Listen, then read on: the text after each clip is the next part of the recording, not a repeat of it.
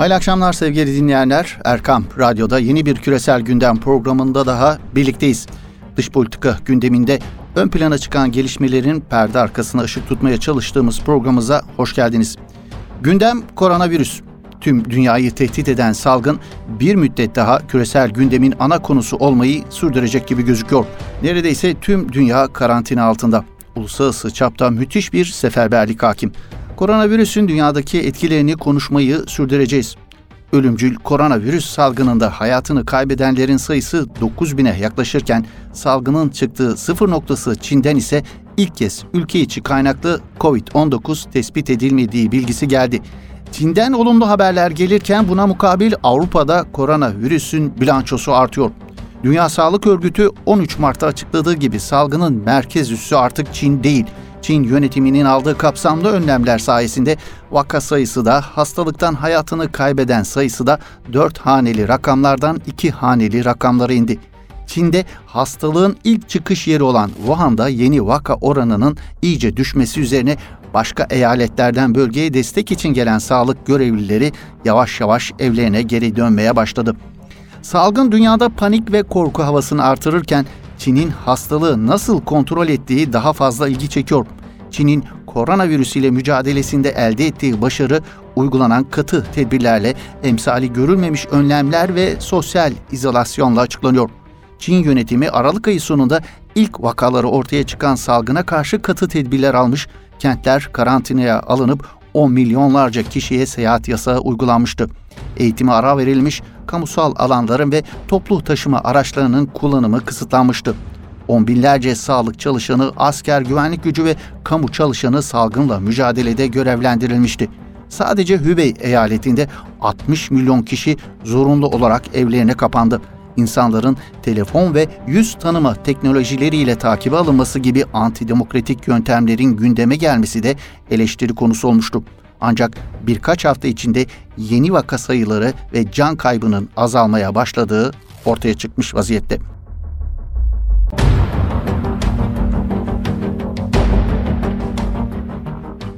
Salgın ile mücadelede örnek gösterilen ülkelerden bir diğeri Singapur. 6 milyon nüfuslu Singapur'da ilk vaka 23 Ocak'ta görülmüştü. Şimdiye kadar onaylanmış 306 vaka var ve can kaybı yok. Sıkı karantina önlemlerinin hastalığın kontrolünde etkili olduğu belirtiliyor. Amerikan Associated Press ajansı korona ile mücadelede başarılı modellerden yola çıkarak takip, izolasyon ve iletişimin önemli olduğu belirtiliyor.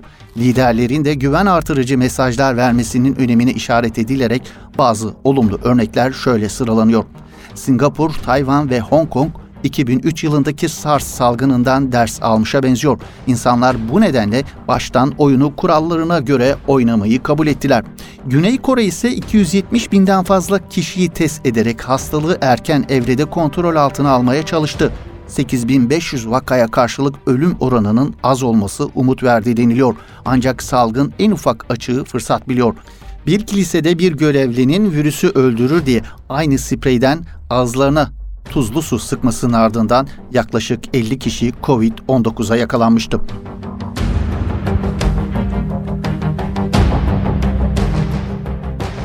Koronavirüsün çıktığı noktadan olumlu haberler gelirken Avrupa'da bilanço kabarmaya devam ediyor.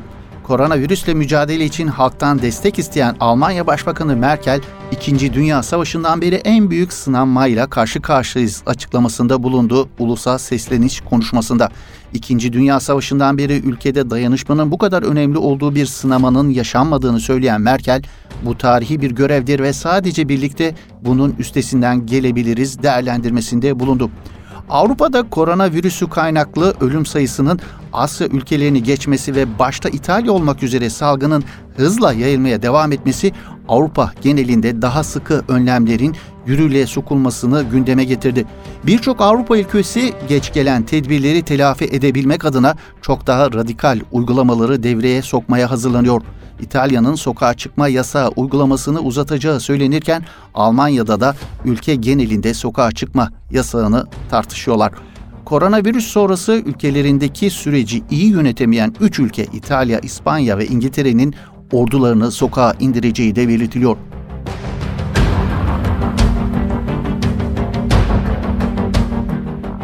Virüsün ortaya çıktığı ilk günden bu yana COVID-19'un laboratuvarda üretilmiş bir virüs olup olmadığı sorusu gündemdeki yerini koruyor.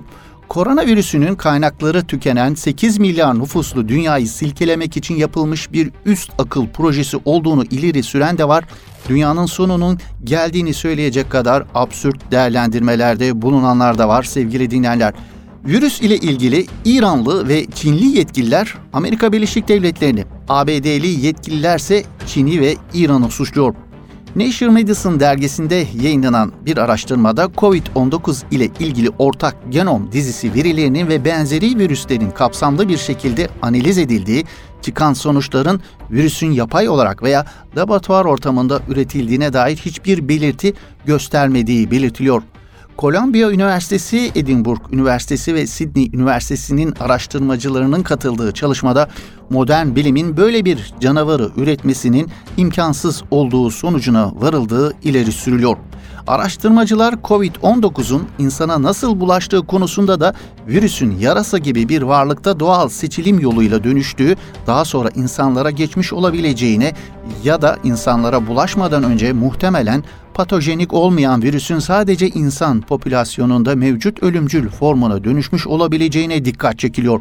Şu aşamada iki senaryodan hangisinin gerçekleştiğini belirlemenin neredeyse imkansız olduğunu belirten araştırmacılar, virüsün tamamen dönüşmüş haliyle insanlara transfer olması teorisinin doğru çıkması halinde bunun gelecekte daha fazla salgın ihtimalini artıracağı uyarısında bulunuyor.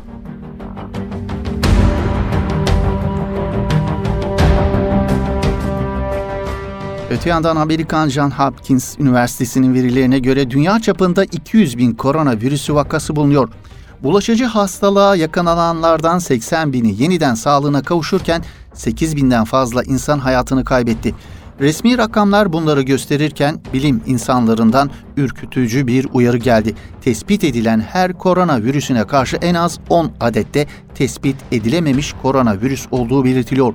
Bilim insanlarının uyarısına göre dünya çapında yaklaşık 2 milyon koronavirüs vakası bulunuyor.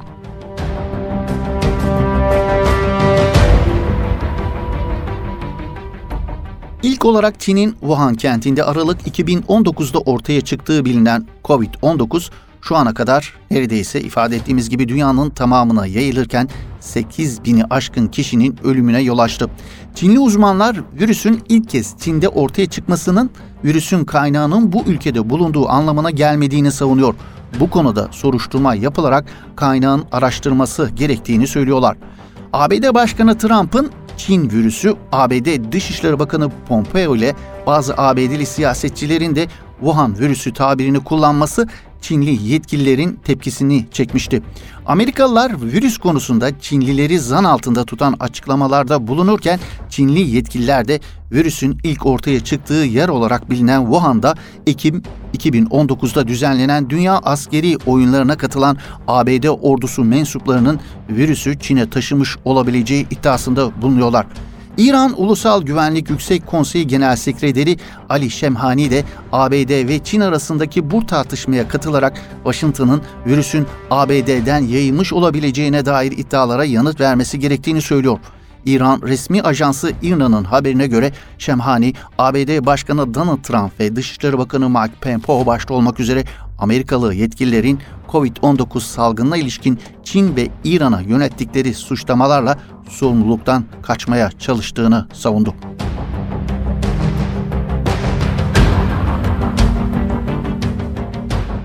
Korona ile mücadelede siyasi sistemler mi çarpışıyor? Korona pandemisi Avrupa ve Amerika Birleşik Devletleri'nde hızla yayılırken Çin devlet ve parti yönetimi ciddi önlemler ile küresel salgını kontrol altına aldığına dikkat çekiliyor. Ekonomik zarar büyük olmakla beraber Çin şu anda tavsiyede bulunan Avrupa'ya ilaç bağışlayan hatta İtalya'ya onlarca doktorunu gönderen ülke konumunda.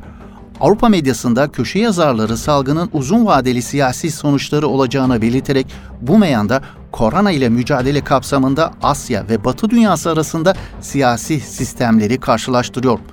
Rus resmi haber ajansı RIA Novosti, Pekin yönetiminin örnek bir ideoloji ve toplum modeline sahip olduğu propagandasını daha fazla yapacak iddiasında bulunuyor. Gazete bu iddiasını şu cümlelerle paylaşıyor. Günümüzde koronavirüse karşı en güvenli ülke virüsün henüz yayılmadığı söylenen ülkeler değil, Çin.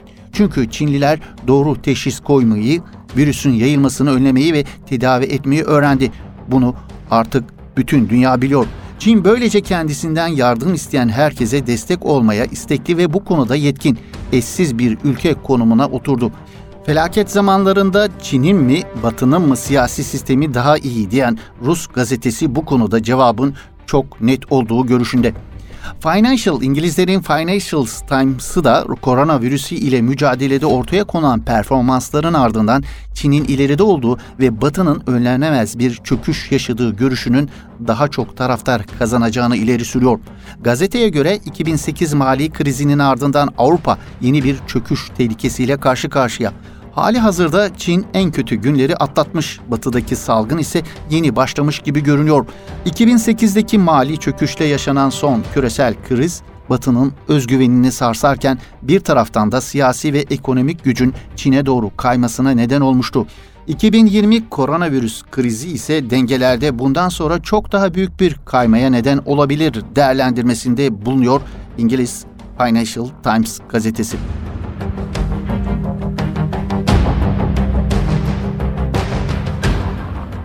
Polonya medyasından Onet, liberal toplumların tehlikede olduğunu düşünüyor. Avrupa demokrasilerinin dinamik bir ekonomik gelişmeyi garantilemek ve giderek artan büyük sosyal uçurumları azaltmak konusunda başarılı olmadıkları izleniminin şimdiden ortaya çıktığını ileri sürüyor.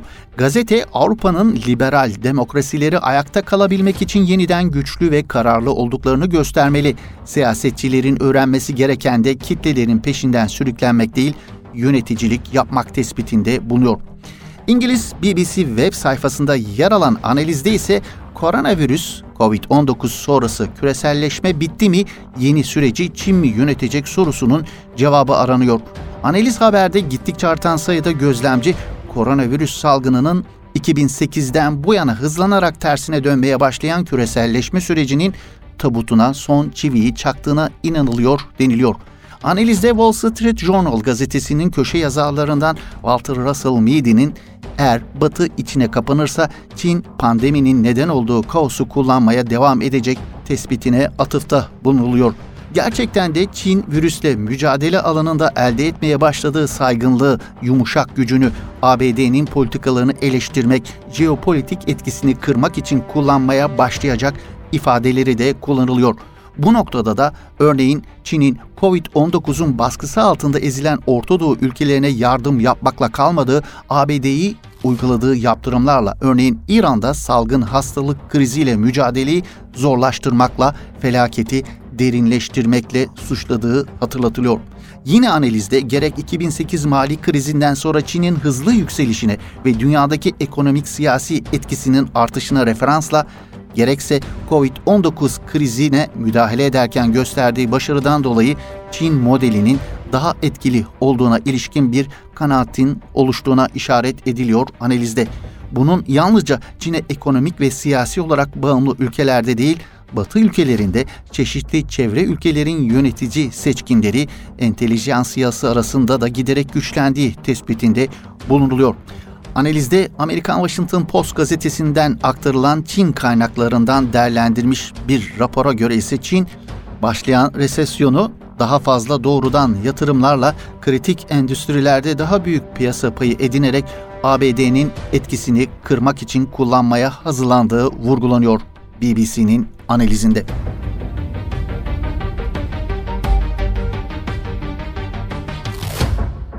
Koronavirüsünün küresel ekonomiler üzerindeki etkisinin ne olacağı gündemin bir diğer önemli başlıklar arasında sevgili dinleyenler. Ülkeler virüsün neden olacağı ekonomik kayıpları en aza indirmek için ekonomik destek paketleri açıklarken petrol fiyatlarındaki rekor düşüşler Türkiye gibi enerji ihtiyacını dışarıdan karşılayan ülkelerin önemli bir tesellisi oldu. Buna mukabil petrol tedarikçisi ülkelerin ekonomik kayıplarının onlarca milyar dolarla ifade edildiğini söylemek gerekiyor gerek virüsün küresel ekonomiler üzerindeki etkisi ve gerekse petrol üreticilerinin kendi aralarındaki rekabeti nedeniyle petrol fiyatları öylesine dip yapmış durumda ki artık 1 litre ham petrol litrelik şişe sudan bile daha ucuz hale gelmiş bulunuyor. Dün bir varil petrol 24 dolara kadar gerileyerek bir buçuk yılın dibini gördü. Bir varil petrol 159 litreye eşit. Bu hesaba göre petrolün litresi 15 sente denk geliyor. Bunun da Türk lirası karşılığı yaklaşık 1 lira ediyor. Türkiye'de bir şişe su ise ortalama 2 lira. Yani 1 litrelik su yerine dün itibariyle 2 litre ham petrol alınabiliyordu. Brent petrolde fiyatların 20 dolara kadar inebileceği de vurgulanıyor. Bu durum gerçekleşirse ham petrolün litresi 80 kuruşa kadar düşecek.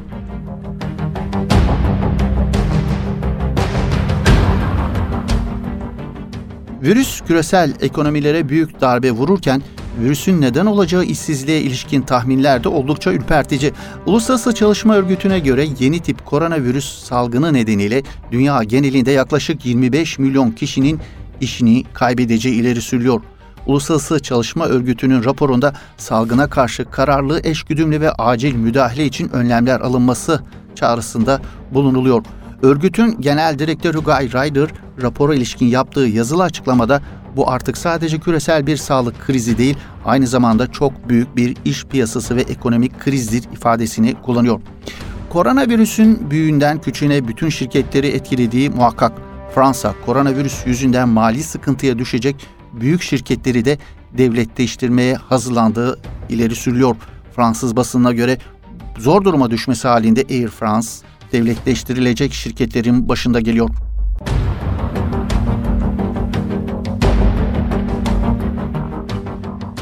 Evet sevgili dinleyenler tüm dünyayı tehdit eden koronavirüsünün neden olacağı sosyoekonomik sonuçlara ilişkin dillendirilen, yapılan analizler, tahminler, hazırlanan raporlar oldukça can sıkıcı ve ürpertici. Ancak her şeye rağmen şimdiye kadar birçok salgın hastalığın üstesinden gelindiği gibi bu hastalığın üstesinden de gelineceğinden kimse kuşku duymuyor. Tüm dünyayı tehdit eden bu salgının önüne geçilmesi konusunda evet yönetimlere çok büyük görevler düşüyor ama en az yönetimler kadar uzmanların yaptıkları önerilere uyma konusunda da biz vatandaşlara büyük görevler düşüyor. Bu sıkıntılı günlerin bir an önce geride kalması temennisiyle sağlıcakla kalın efendim.